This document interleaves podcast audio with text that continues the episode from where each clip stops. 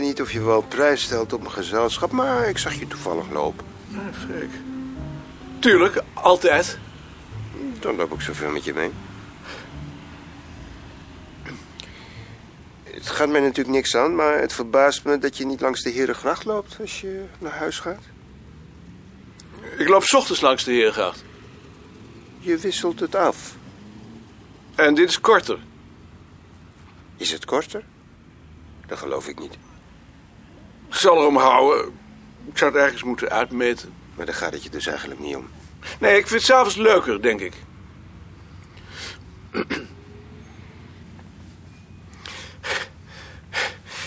Ik hoor dat Maxis jou een proces wil aandoen. Hoezo? Ik, ik hoor het. Dat mag jij helemaal niet weten. Ja, dat wist ik natuurlijk niet. Van wie heb je dat gehoord? Eh, ik dacht van Mia. En wat heeft je dan verteld? Eh, dat je in jullie huis aan huis blaadje een advertentie tegen de vestiging van Maxis hebt gezet. Waarin je Maxis een ordinaire koopfabriek hebt genoemd. en dat ze nu met een proces gedreigd hebben. Maar ze, ze weten niet dat ik het ben. Waarom niet? Omdat ik het niet ondertekend heb natuurlijk. Maar dan weet de uitgever het toch wel? Zegt het niet. Dat heeft hij me beloofd. Waarom heb je het niet ondertekend? Omdat ik die a- advertentie niet namens mezelf heb gezet, maar namens de gemeenschap. En dat proces dan? Ze proberen nu de uitgever te dwingen om mijn naam te noemen. Over veertien dagen is de uitspraak.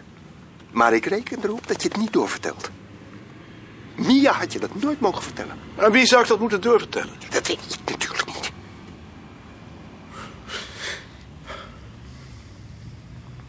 Heb je die eh, Brabantse kachel nog gekocht? En daar heb ik toch maar van afgezien. Nou, dan ga ik maar. Tot morgen. Tot morgen.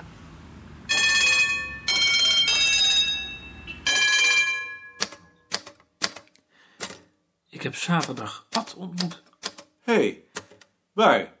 in het station. Hoe was het met hem? Ik had de indruk dat het wat beter gaat, maar hij voelt zich nog niet goed genoeg om weer aan het werk te gaan. Had hij het nog over zijn lezing? Daar heb ik hem niet naar durven vragen. Ik was bang dat dat misschien niet goed voor hem zou zijn. Hoe is het in godsnaam mogelijk dat onze lieve Heer twee mensen toestaat om zo te denken en mij vervolgens veroordeelt om daarbij tegenwoordig te zijn?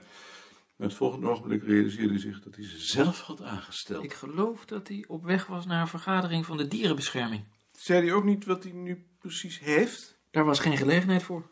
Omdat hij Iris Kopist hem had aangeraden een psychische therapie te doen? Daar weet ik niets van. Dat zei hij tegen mij toen ik hem opbelde. En dan denk jij zeker dat het psychisch is. Ik denk helemaal niks. Die man had het een over krampkringen in zijn ogen. Eh, daar heb ik niet naar gevraagd. Ik zal hem wel weer eens bellen.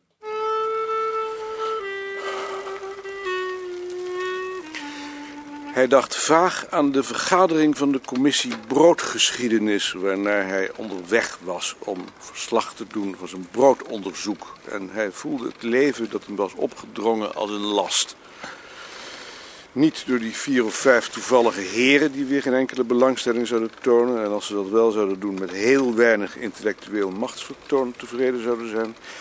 Maar door de opeenstapeling van beloften de jaren door die hij nooit inloste. Omdat het hem allemaal volstrekt niet interesseerde. Waardoor hij er niet toe kwam een en ander met een publicatie af te ronden.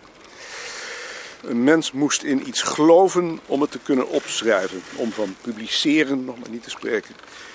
Maar intussen drukt het wel op zijn ziel.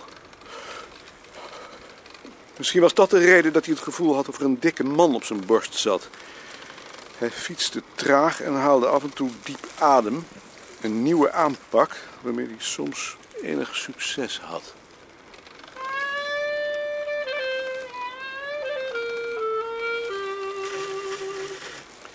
Een dode egel en een doodbebloed zangvogeltje op de weg maakten hem nog triester. Hij stelde voor de zoveelste keer vast dat hij een geweldige hekel aan de mensen had. Hij vroeg zich al zo vaak af hoe dat kwam. In wijtjes langs de weg zag hij in kleine tuintjes, dicht naast elkaar, hun caravans staan. Ze stelden zich voor hoe ze daar zomers zaten voor hun kar in hun opvouwbare tuinmeubelen. De buren binnen bereik, de tv in de deuropening, de kinderen op het voetbalveldje. Misschien was dat de verklaring. Wie kinderen heeft, moet wel. Maar hij had geen kinderen. En wie geen kinderen heeft, hoeft de schijn niet op te houden. Agenda punt 4. De voortgang van het broodonderzoek, meneer Koning. Ja, voorzitter. Om u een indruk te geven van de problemen heb ik de kaart meegenomen van het broodverbruik in Nederland in het begin van deze eeuw op grond van de antwoorden op onze vragenlijst. Geweldig. Geweldig. Wat opvalt is dat in het begin van deze eeuw in de verschillende streken van Nederland de broodconsumptie opmerkelijke verschillen vertoont. Van bruin tarwe in het zuidwesten via wit tarwe in het westen en noordwesten naar rogge in het noorden en oosten, maar dan wel weer in verschillende combinaties. Ik probeer nu die verschillen te verklaren. Dat lijkt me een heel werk. Dat is een heel werk. Een geweldig werk. Ik ben nu bezig met het verzamelen van alle broodkeuren vanaf de 16e eeuw in de verschillende steden en stadjes in Nederland, omdat die keuren een beeld geven van de broodsoorten die op dat ogenblik in die plaatsen het meest gangbaar waren. Op die manier hoop ik een beeld te krijgen van de plaatselijke veranderingen vanaf de 16e tot het eind van de 18e eeuw. Dat wil ik aanvullen met belastinggegevens uit de 19e eeuw tot het ogenblik waarvoor deze kaart geldt. En dat koppel ik dan weer aan de landbouwsituatie en de graanmarktgegevens, als ik die kan vinden tenminste. Maar als ik u goed begrijp, dan bent u daar nog lang niet klaar mee. Nee, daar ben ik nog lang niet mee klaar. Nou, sterkte er dan maar mee. Met Muller? Met Maarten. Oh, ben jij het? Je zit dus weer achter je bureau? Ja, dat denk jij natuurlijk.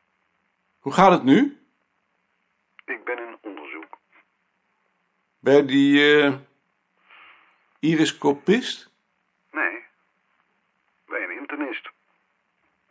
Die iriskopist dacht dat ik gek ben, geloof ik. En dat ben ik niet. Nee, dat dacht ik ook. Dus het duurt nog wel even voor je me ziet. Wat zei die internist? Die kon niks vinden. Maar er worden nu foto's van mijn buik gemaakt. Dat duurt alles bij elkaar een week of vier. En daar wacht je op? Natuurlijk wacht ik daarop.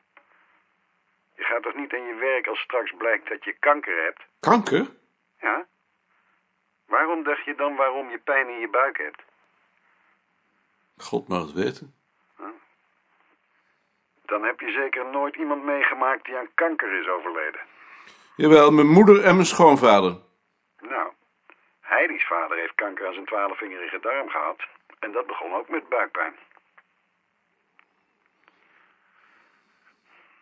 Hoe gaat het dan met je lezing? Oh, gaat wel. Ik denk dat die wel op tijd afkomt. En anders moeten ze maar een ander nemen.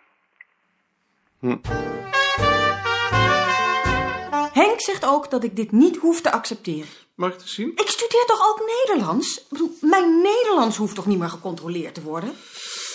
Ik vind wel dat hij gelijk heeft. Maar de taal verandert toch? Ik hoef toch niet te schrijven zoals Bart het geleerd heeft? Ik heb op college geleerd dat er voortdurend vernieuwingen plaatsvinden. De taal verandert wel, maar dat betekent nog niet dat je maar alles kunt schrijven. Je moet in de eerste plaats begrijpelijk zijn en de opmerkingen van Bart zijn bedoeld om daarvoor te zorgen. Zelf schrijft hij Je nooit moet iets. ze niet als aanmerkingen zien, maar als verbeteringen. Zelf schrijft hij nooit iets. Ik hoef mijn teksten toch niet te laten verbeteren door iemand die zelf niet schrijft. Maar- Het enige wat hij doet is ons werk bekritiseren. Ik accepteer dat niet. Ik heb het Henk laten lezen en die vond het goed. Bart, En hij vond het idioot dat iemand die zelf nooit iets doet, iets op mijn stukken te zeggen heeft. Bart doet dat niet voor zijn lol, maar omdat ik hem dat gevraagd heb. Ik heb de eindverantwoordelijkheid. Het is mijn taak om ervoor te zorgen dat het een goed leesbaar tijdschrift is. Als we niet kritisch zijn op onze eigen stukken, dan verliezen we het recht van kritiek op de publicaties van anderen. Ik ben blij dat Bart dat werk doet. En ik vind ook dat hij het goed doet. Maar laat hij dan ook eens zelf wat schrijven. Eh, neem me niet kwalijk wanneer ik stoor, maar Dag Bart, daar is meneer Balk voor je aan de telefoon. we praten er nog wel eens over. Hm? Maar met deze opmerkingen ben ik het eens. ja? Jaap? Kun je even komen? Ik heb iets te bespreken met de hoofden. Ik kom. Tjitske, Ik heb vorige week een hond gevonden. waar? In Belmer. In de Bijlmer? Kan ik hem mee naar het bureau nemen? Ehm, Jacob is er ook niet. geeft dat geen gedonder met Joris? Nee. Eh, goed. Hoef ik dat dan niet aan Balk te vragen? Nee, neem maar mee. Ik moet nu naar Balk. Kloosterman zal in het vervolg de hoofdenvergaderingen bijwonen. Ik heb juist bericht gekregen van het hoofdbureau dat het middeleeuws bronnenboek bij ons is ondergebracht. Betekent dat dat hij hier ook om te zitten? Natuurlijk, daar gaat het om. Waar zet je hem dan? Bij Groos op de Kamer. En als hij er nou nog iemand bij krijgt? Daar is voorlopig geen sprake van. Ik hoop toch eigenlijk van wel. Dan zien we wel weer. Daar heb ik jullie niet voor bij elkaar geroepen. Ik heb een eh, brief gekregen van het departement. Er is een nieuw hoofd op de afdeling wetenschapsmanagement Hmm. benoemd. Die man wil ons donderdag 9 december bezoeken met zijn adjunct. Dat houdt in dat jullie ervoor moeten zorgen dat die dag zoveel mogelijk van jullie mensen aanwezig zijn. En dat er op elke afdeling een kleine tentoonstelling ligt die een indruk geeft van de werkzaamheden. Voor het geval u wat wil zien. Geldt dat ook voor mij? Dat geldt ook voor jou. Hoe meer, hoe beter. Ja. Weet je ook hoe hij heet? Mm, Dreesen. De dichter. Dat weet ik niet. Ik weet niet meer dan dat het een Leids Nederlandicus is. Ik heb wat informatie bij Vintjes uit Leiden ingewonnen. En hij staat bekend als een lastige querulant. Dat zullen we dan wel merken. Kan dat bezoek iets te maken hebben met de plannen voor een herstructurering van de wetenschap? In de brief staat dat hij alle instituten bezoekt om zich te oriënteren. Dat zou mij in ieder geval niet verbazen. Dat was het. Kunnen wij, nu wij hier toch bij elkaar zijn, nog een paar andere dingen bespreken? Ja. Kun jij niet eens wat aan Wichtbold doen? Die man is een nooit. Ik zou niet weten wat. Wordt hij eigenlijk wel eens gecontroleerd? Als hij ziek is, wordt dat doorgegeven, dus ik neem aan dat hij ook gecontroleerd wordt. Daar geloof ik niks van. Ik ben nog nooit gecontroleerd. En andere, a- a- andere mensen op mijn afdeling ook niet. Ik ben ook nog nooit gecontroleerd. Ik ben nooit ziek, maar ik zal er dan informeren. Nog iets? Ja, ik heb het bezwaar tegen dat hij altijd maar door goud vervangen wordt.